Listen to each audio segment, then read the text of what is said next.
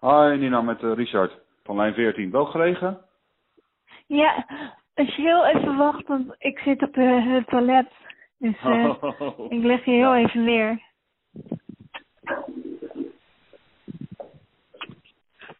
Ja, ik ben, uh, ik ben Nina Vrij. Ik, um, ik word in juni 21, dus ik ben uh, 20 jaar oud. En ik ben nu bezig met afstuderen. Jij luistert vaak naar uh, Man met een microfoon. Kun je daar wat meer over vertellen? Ja, dat vind ik uh, toch een hele bijzondere podcast. Ik kom helemaal niet uit Amsterdam-Oost en ik ben daar ook nog nooit geweest. En, maar toch heb ik een beetje nu het gevoel dat ik weet hoe het eruit ziet. Hoe Amsterdam-Oost eruit ziet, omdat ik naar die podcast luister. En het valt me ook steeds weer op.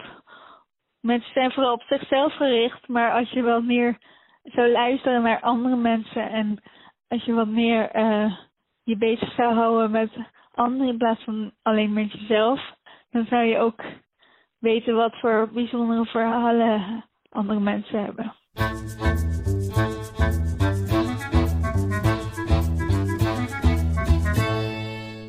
Je luistert naar Line 14, de podcast over podcast. Mijn naam is Andy Clark. En ik ben Richard Den Haring.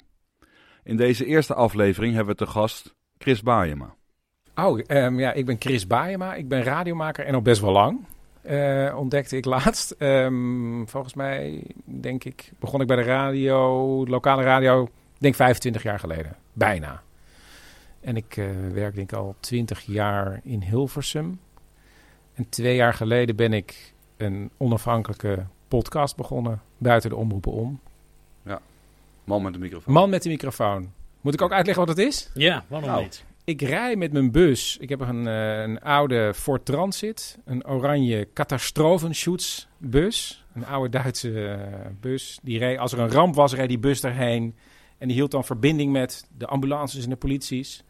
Dus het is een, eigenlijk een rijdend studiootje. Dus die had ik gekocht en ik rijd daarmee door de buurt op zoek naar verhalen. Dus ik heb een vergunning dat ik overal op de stoep mag staan en op het fietspad. En dan zet ik die bus neer en dan ga ik met mensen in gesprek. En dat werkt heel goed. Beter dan, de, dan welke Hilversumse omroep ook. Ja. En dan raak ik met mensen in gesprek. En dan heb ik elke maand aan de hand van één thema een, uh, een uitzending. Van echte en bijna echte verhalen. Want ik heb documentaire verhaaltjes en geschreven scènes. Dit is Man met de microfoon. Met echte en bijna echte verhalen uit een stadswijk. En ik ben Chris Baayema. Ik heb hem inderdaad op een bankje leren kennen. Was dat niet zo? Jawel. Want ik hoor mijn moeder nog zeggen: Nee hoor, hij markeert helemaal niks. Kijk maar, nou hij markeerde dus wel, want hij kon helemaal niks. Ja, nou, nou zit het te kijken hoe die mensen dronken worden. En hoe ze ruzie maken, dat geniet ik. Ja, ik ben die mevrouw van het balkon die wel eens vroeg of de kinderen een beetje rustig wilden zijn. Dan kunnen ze wel eens denken, hier woont een echt mens. Chris presenteerde samen met Jair Stijn het programma Plots op Radio 1. Maar ik liep met een eigen programma-idee rond. Toen heb ik plots verlaten om dat eigen programma te gaan maken. Maar dat was net voordat er iemand binnenkwam om iedereen te ontslaan. En ik was niet eens in dienst. dus mijn programma-idee, dat was, was wel een heel leuk idee. Daar had ik al een bus voor gekocht, namelijk mijn oranje bus. Uh, ja, dat, dat werd meteen opzij geschoven. En uh, toen dacht ik, ja, ik hou die bus gewoon totdat ik weer misschien een ander idee heb. Wat ik ermee kan doen. En toen had ik een nieuw idee. En dat was denk ik in 2014.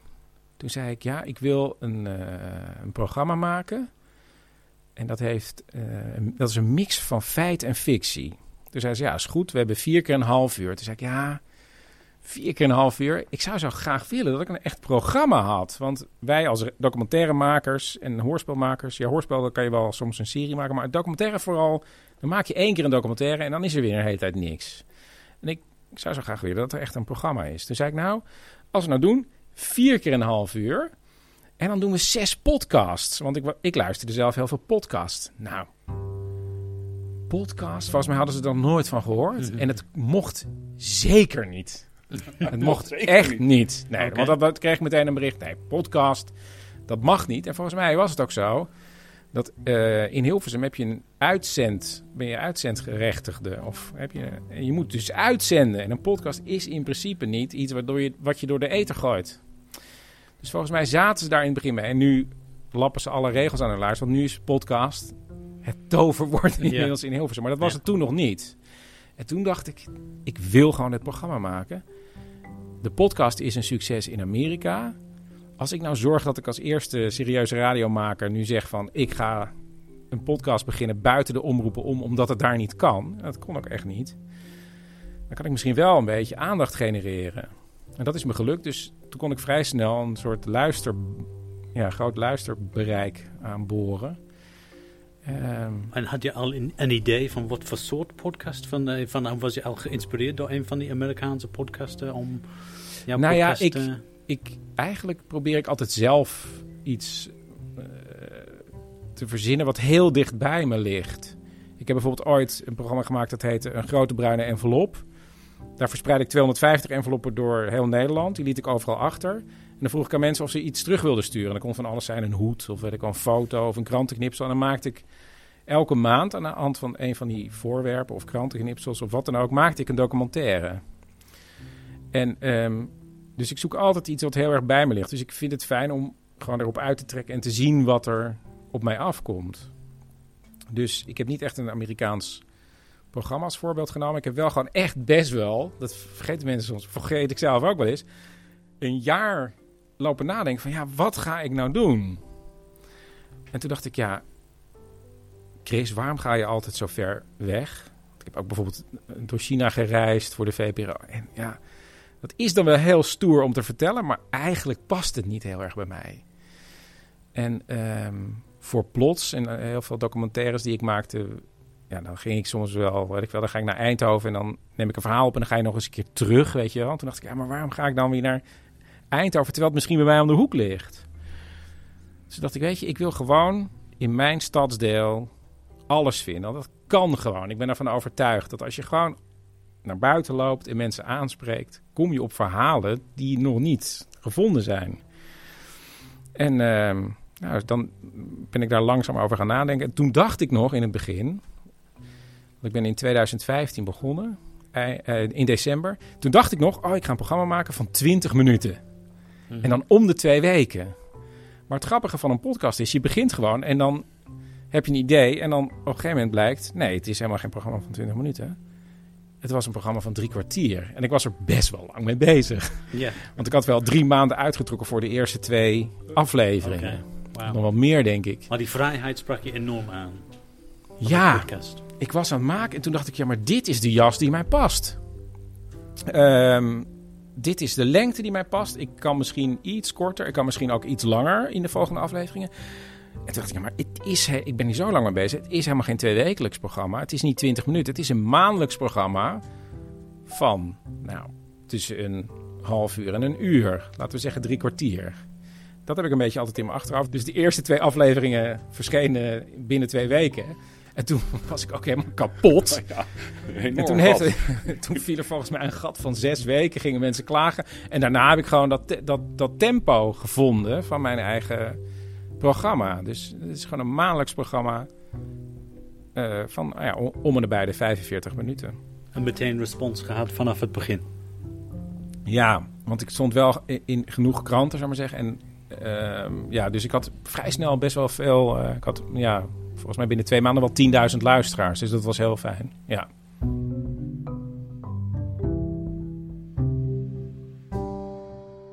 Oh ja, we hebben iets verzonnen. Namelijk, Man met de microfoon is eigenlijk de, kleinste omroep van, Nederland. En elke omroep heeft leden, leden, precies. En bij ons kan je nu ook min of meer lid worden. Min of meer. Want wij hebben nu, ja, wij hebben nu, papa, papa, even samen, de, Man met de microfoon Clubcard. Kijk op manmetdemicrofoon.nl. Het gaat om zo'n plastic kaart voor in je portemonnee. Als je je portemonnee opent, heb je overal kaarten van. Hè? Van natuurmonumenten, van de vogelbescherming, van de Artis, van de Hortus. Ik dacht, ja, mensen moeten ook gewoon lid van mij worden. En eh, dus ik heb een, een kaart laten ontwerpen. Eh, gewoon zo'n creditcard. En er staat op hoe je naar mijn programma kan luisteren. En toen dacht ik, ja, wat gaan mensen dan... Hè? mensen willen wel mijn kaart, denk ik, hebben. Maar wat geef ik de mensen? dacht ik, ja, weet je, ik, dit is gewoon de kaart waar je helemaal niks mee kan. dus het is de enige membershipskaart van Nederland waar je geen voordeel mee, krijgt. Hè, nergens korting. Het enige wat je kan doen is laten zien, ja, ik heb deze kaart. Dus dan kan je aan je vriend laten zien, maar ik heb er een. Ik heb hem wel. En vinden het is toch goed om hem te hebben, en, toch? En werkt dit? Ja, het werkt. Ja, dus dus er zijn mensen die dat wel gaan aanschaffen. Ja. Fantastisch. Ja. Er zijn er maar weinig mensen die zo'n kaart zo op de markt brengen. Hè? Ja, en dat is natuurlijk ook die knipoog, denk ik. Dat, dat dwars tegen het geëikte pad. Eigenlijk komt het omdat ik was ooit lid van de Donald Duck. En toen ik niet meer lid was, was er opeens een Donald Duck pas. Weet je wel, was ik te oud. dacht ik, ja, dat had ik leuk gewoon zeggen. Een Donald Duck pas. En dat liefst nog met een clubnummer. Maar dat, dat was te veel gedoe. Eigenlijk had ik ook nog gewoon ge, een gepersonificeerde clubkaart. Maar het is gewoon nu een soort uh, universele kaart. Ja, dus ja, ik vind het ook wel leuk om dat te verzinnen.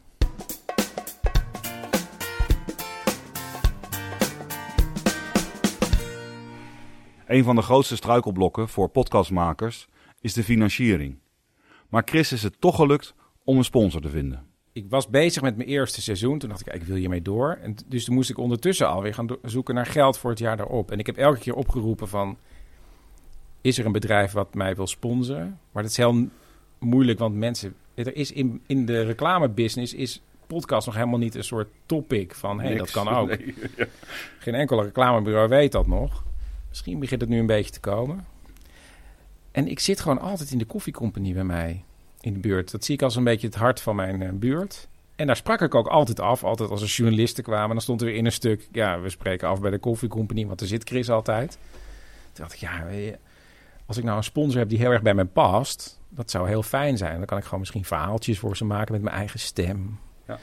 En, en is het gevoel ook goed, hè? Dat vind ik heel belangrijk. Als Ja, je iets dat promoot, is- ja. dat je daar ook achter staat. Ja, dat Echt vond ik, achter ja. staat. Toen dacht ik, als, in ieder geval die eerste sponsor moet echt bij mij passen. Ja. Dus ik heb ze gewoon lastig gevallen. En toen ben ik ze mails gaan sturen. En toen zei ik, ik ben niet goed in het schrijven van plannen.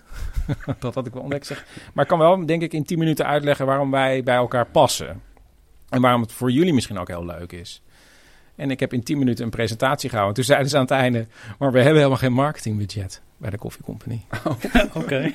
Ehm, Oké. Eh, Maar toen belden ze wel de dag erop, we gaan het toch doen. Oh, dus ze hadden wat geld heen en weer geschoven. Nou, en, dan, eh, en het leuke was, omdat het helemaal nieuw is, zei ik, ik ga wel jullie uitleggen wat jullie moeten doen. Ik zeg, ik maak gewoon zeven verhaaltjes voor jullie, voor zeven afleveringen over koffie. Ehm, dus ik maak nu voor elke uitzending een ha- verhaaltje van anderhalf tot twee minuten over koffie. En zij hebben dan een soort payoff. En ze zijn heel, ja, echt heel fijn, want ze houden zich ook een beetje... Ze merken ook van, ja, het is, eh, het is goed als wij ons een beetje op de achtergrond houden. En Chris is gewoon wel echt eh, goed bezig. Hi, ik ben Erik. Ik ben Leon. Barista's Erik en Leon zijn onderdeel van een originele koffiecompagnie reconstructie. Erik, waar was jij op de bewuste dag? Ik eh, zat aan een bar koffie te drinken en de krant te lezen. Erik heeft geen dienst, maar is langsgekomen voor een koffie en een krantje. En Leon? Waar? Jij stond hier, Ja. Hier achter de kassa. Ja. En eh, toen... eh, nou, ja, Dicht bij de deur. Ja, dus ik had, alles, eh, ik had goed overzicht van alles. De deur gaat open, ik zie hem binnenkomen. En hij valt heel erg op door zijn eh, vermomming. Hij had een plaksnor op en een sikje en een bruine eh pruik. We gaan terug naar Erik, die nog steeds aan de bar zit. Maar hij wou hier dit eh, paadje inlopen. Hij zei letterlijk, Is de toilet over here? dit paadje. Ja. Hier zo. Dus, en hierachter, als we hier doorlopen, dan is hier geen wc. Nee. Maar hij is er niet ingegaan ook. Oh, Ik, want eh, toen zei jij... dat hij naar boven moest, de trap op, want daar is het toilet. Terug naar Leon. Eh, in de tussentijd hadden zijn bodyguards voor hem koffie besteld. En eh, die hadden Erik en ik gemaakt. En eh, ja, omdat ik er dus best wel zenuwachtig van werd, omdat het een beroemdheid is, had ik toch maar even aan Erik gevraagd of hij eh, de melk wilde schuimen. En eh, ja, dus Erik geeft de koffie aan Justin Bieber en hij zegt tegen hem, I appreciate it, en hij loopt weg. Nou, Leon, exact. Wat gebeurde er exact? Tenminste, hij gaat eerst nog even zitten, neemt een paar slokken en dan loopt hij weg. Precies. Dit was een originele koffiecompagnie reconstructie. Ik vind dit een geniale reclame en dit kan alleen in een podcast volgens mij. Maar de meeste sponsoren haken af als je over podcast begint. Wa- waarom de Coffee Company wel, eh, Chris? Ik weet wel dat het me gelukt is om gesponsord te worden door hun, omdat er een paar mensen gewoon mijn programma al kenden. Dus die mensen, er, waren een paar, er zijn een paar mensen die gewoon fan waren. En zeiden, ja, maar dit is nou echt leuk om, eh, om, om te doen. Oké, geweldig. Ja. De afleveringen van Man met de microfoon hebben thema's als het landje, water, muziek.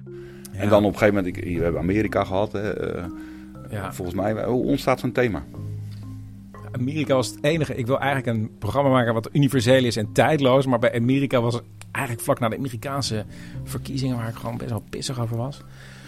En toen dacht ik, ja, maar wat zijn er eigenlijk voor een eh, Amerikaanse plekken in, eh, in, eh, in mijn stadsdeel? Toen dacht ik, nou weet je wat, ik doe gewoon los van alles als thema Amerika. En dan toets ik gewoon, volgens mij heb ik op Google ingetoetst Amerika Amsterdam-Oost. En dan kwam er American Fitness, een Amerikaans fitness eh, studio. Loco, Ja. Nou, dan ga ik naar die, eh, die fitnessstudio. Dan ga ik daar aan, aan een bar hangen. En dan werkt dan een jongen achter. En die zegt, ja, de baas is er niet. Nou, heb ik een heel lang gesprek met die jongen. En op een gegeven moment zegt hij, de baas, ja, nou, ja, eh, ja, het heet American Fitness, want hij heeft heel lang in Amerika gewoond. Hij heeft nog in Vietnam eh, gevochten. En dan denk ik van, hé, hey, dat zou een interessant zou een verhaal, verhaal kunnen, zijn. Dan ga ik weer terug. Eh, dan babbel ik met die man. Denk van, nou, vertelt op zich goed. Maak ik een afspraak. Neem ik op. Ga ik monteren. Denk ik, hmm, kan nog wat beter. Maak ik nog een afspraak en dan probeer ik de laatste eindjes aan elkaar te knopen. En dan ga ik monteren. En dan heb ik in de tussentijd wel door hoe lang het verhaal is. Nog iets, wat bij een podcast nu heel belangrijk... of heel, wat ik niet ontdekt heb, is dat ik kom nu met iemand tegen... en dan hoor ik een verhaal en denk oh, maar dit is een verhaal van drie minuten. Of dit is een verhaal van 20 minuten. Dus dat kan ik helemaal zelf bepalen. Kijk, bij een radio willen ze dat je zes minuten aflevert. Of Ja. weet ik veel. Of, Of drie, of maar of alles in drie. ieder geval Ja. vooraf- en soms denk je drie minuten, tijd. maar het is maar een verhaal van een minuut. En dan moet je heel erg gaan rekken. Of, of je denkt, ja, drie minuten, maar het is een kwartier. Dus nu eh, kan ik heel erg eh, bepalen wat voor een Ja. thema het is. En ik, ik, dacht, ik heb ook een van de in de eerste seizoen ook. Toen dacht ik, oké, dan doe ik niet een thema, maar een plek. Toen ben ik echt op een landje gaan zitten. Oh. Waar economaden zitten. Dus van die ja, mensen die nergens kunnen wonen, zijn gewoon met z'n, allen ergens gaan, illegaal gaan staan. En dat vond ik zelf wel heel leuk, een plek. Dus nu dacht ik bijvoorbeeld bij de vorige uitzending. Ik ga een programma maken over de fietsenstalling onder het station. Dus dan ben ik gewoon een paar dagen eh, ga- gaan rondhangen. En dat was inderdaad wel leuk. Maar ik, in de tussentijd was ik ook weer door de buurt gaan rijden. En een winkel weer binnen gegaan. En toen kwam ik een ander verhaal tegen. En dacht, ja, die man is ook wel interessant. En dan is er op een gegeven moment een moment dat je een verhaal hebt opgenomen of gehoord hebt. Dat je denkt, ja, dat is een goed verhaal. En dat is een goed verhaal. En dan zie je opeens een overeenkomst tussen die twee verhalen. En denk je, ah, maar misschien gaat het over verkopen. Ik ging elk jaar ging ik met mijn kinderen naar Artes. Totdat ik op een gegeven moment zei tegen de kinderen van ja, dit jaar kunnen we niet naar Artes. Want Artes is best duur als je drie kinderen meeneemt. Ja, dat kon ik dus niet meer. Ik heb dus een hele wand thuis met allemaal Artes-foto's. Elk jaar zie je de kinderen iets ouder worden en een, eh, ander jasje aan en zo. En op een gegeven moment houdt het op.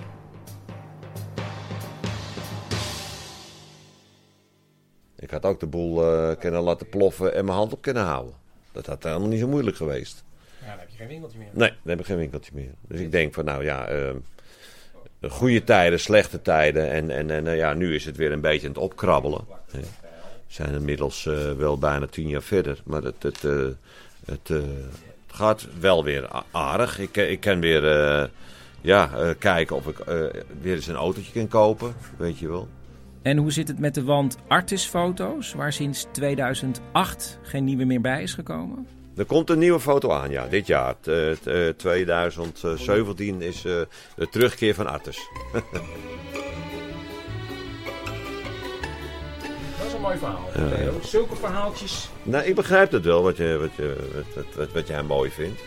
Dat, ja, dat is een mooi verhaal, ja. Ik was in een winkeltje, een ijzerwinkeltje. Ik had met de eigenaar gesproken, die ook eigenlijk ook een leuk verhaal vertelde. En dat zit dus ook in mijn uitzending. En daar draalde de hele tijd een andere, oudere man omheen. En die vond het ook wel interessant wat ik aan het doen was. Dus, ehm, en toen zei die eigenaar, ja, maar dat is Willem. En die is heel lang eh, niet eh, buiten geweest. Toen dacht ik, nou, vind ik ook eigenlijk wel leuk verhaal. Dus toen ben ik gewoon met eh, Willem gaan zitten. En ehm, omdat hij zag van, ja, die jongen is wel oké. Kijk, uiteindelijk gaat het om vertrouwen winnen. Ja. Je moet mensen ge- ja, geruststellen van, ja, je, dit is een oké gast. Is dat iets wat kenmerkend is voor jouw verhaal dan? Een soort liefde voor, voor de mens? En die mensen Ja. ruimte te geven om hun Ja. verhaal te laten vertellen? Hoe, hoe klein dan ook? Ja, op een gegeven moment zei iemand, eh, vond ik heel mooi, van ja, Chris maakt een programma over een stad waar, waar eigenlijk altijd een beetje de zon schijnt. Dacht ik, ja, dat is gewoon hoe ik een beetje tegen de mensen aankijk. En ehm, wat ik gewoon aan mensen wil laten zien. En ik ben bevoorrecht, vind ik ook echt, dat ik die man met die microfoon ben. Want ik kan, ik heb een excuus om met mensen te praten. Ik, ik ja, ik mag dit, ja, dat- zo voelt het echt. Van ja, weet je wel, ik, ja, vanmorgen zei ik, ja, ik zei vanmiddag tegen mijn zoon, ja, ik was vanmiddag jaloers op mezelf. Dat begrijpt hij niet. Ik zeg maar, eh Teun, zei ik, maar Teun, ik, ik, ik had echt het gevoel van, hé, maar als, ik, als iemand aan mij zou vertellen, ik doe dit werk, dan zou ik echt denken van, wauw, dat wil ik ook doen, weet je wel. En ik doe dat gewoon. Ja, dat vind ik echt heel... eh, dus ik ben ook, kijk, omdat ik zo bevoorrecht ben, en ik wil ook, en, en het, je krijgt soms verhalen te horen van mensen die ze eigenlijk niet aan andere mensen vertellen. Dat is een cadeau. Dus ik geef een cadeau terug door het zo goed mogelijk en zo mooi mogelijk en zo zorg- zorgvuldig mogelijk te monteren. Dus daar ben ik zo lang mee bezig. En dan denk ik van ja, maar dat, ja, dat is het gewoon waard. Kijk, je hebt natuurlijk ook de kans om ehm, een soort essentie van een heel lang verhaal wat iemand aan jou te vertel, vertelt, om daar een kleiner verhaal van te maken en dat heel beknopt te monteren. Dus dat, dat, dan wordt het heel eh, verdicht eigenlijk. En je, je, weet je, wel, je boetseert iets, een, een, een, ja, een kunstwerkje eigenlijk voor iemand. Dus ja, dan, en dat geef je dan aan iemand. En dan denk je, ja, ja, oh ja, zo zat het eigenlijk. Weet je wel, soms kan je mensen door, door ho- hoe je dingen aan elkaar monteert en met je voice-over, daar waar je in je zelf weer aangeeft hoe jij tegen iemand aankijkt, kan je iemand gewoon even ook op een andere manier naar zichzelf zelfs te laten kijken, denk ik. Ja. En hoe neem je op? Met welke devices? Welke apparatuur? Ik had een heel mooi Sony recordertje. Dat was maar 200 euro. Een digitaal recordertje. En die is gestolen. En die, is, die wordt niet meer gemaakt. Dus nu heb ik een duurdere variant, een grotere. Gewoon een stereo eh, recordertje met zo'n windkapje. En eigenlijk omdat ik vrij autistisch ben qua... Ik ben niet zo heel technisch. Dus ik ken dat apparaatje en ik weet precies waar de knoppen zitten. En dat grotere apparaatje is eigenlijk gewoon dezelfde, maar dan iets groter. Dus ik weet precies de pauzeknop. En dan, weet je wel, ik had een, toen die gestolen was, heb ik opnames gemaakt met een ander apparaat dat ik ooit gekocht had. Ook waarschijnlijk een heel goed apparaat, maar ik kende dat niet heel goed. En heb ik toen een verkeerde knop ingedrukt en het waren hele slechte opnames, want die microfoon stond heel... Er kon heel veel mee, maar er gebeurde iets wat ik niet wilde. Ja, misschien te veel. Ja, weet je wel, dat, dat je dan een, nou ja, op een hele rare manier aan het opnemen was, wat heel ongeschikt was voor een gesprek. En daar baalde ik zo van dat ik dacht, nou, koop ik dat dure ding ook maar. En, ehm, want dat ken ik gewoon. Het is gewoon eigenlijk, nou, volgens, ik weet niet of het veel, het, het is een heel goed apparaat, omdat je er heel, ik, doe, ik neem altijd iets zachter op. En er zit zo weinig ruis in die Sony dat ik altijd heel veel eh, kan, kan gainen in mijn eh, montage. Ja. Dus ik neem te zacht op. Ik kan het makkelijker harder maken in mijn montage zonder dat er veel ruis bij komt. Of eigenlijk helemaal niet.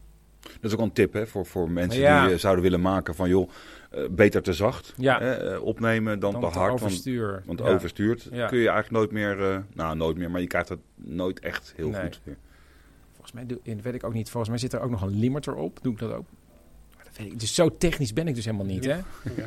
En ik neem zonder koptelefoon op.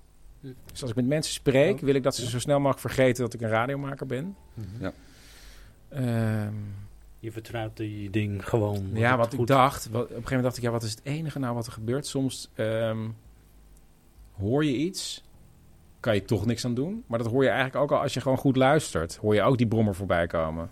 Hm. En wat kan er nou eigenlijk, is de grootste fout die je kan maken, dat je op pauze, dat hij nog op pauze staat.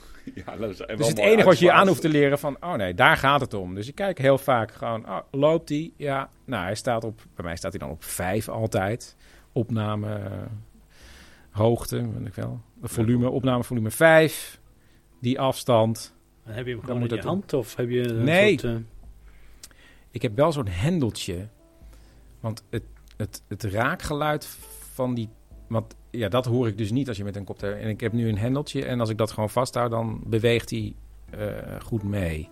Dat is wel echt onontbeerlijk. En, en hengel je dan eh, tussen, tussen de sprekers? Ik schreeuw heel midden? vaak. Daar ga ik ook com- commentaar. Ik, ik vind het fijn om mijn microfoon de hele tijd op de persoon te houden. En zelf iets harder te praten.